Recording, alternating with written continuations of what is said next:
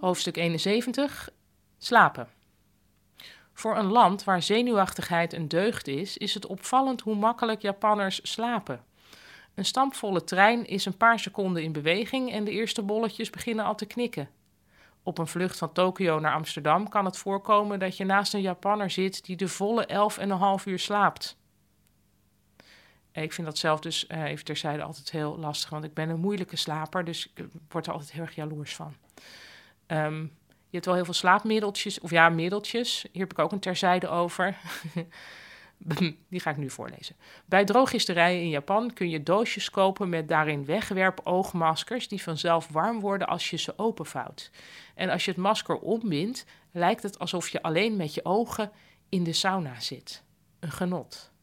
En ik heb dus nog een paar van die doosjes van, nou, gevoels, gevoelsperiode 100 jaar geleden dat ik in Japan was.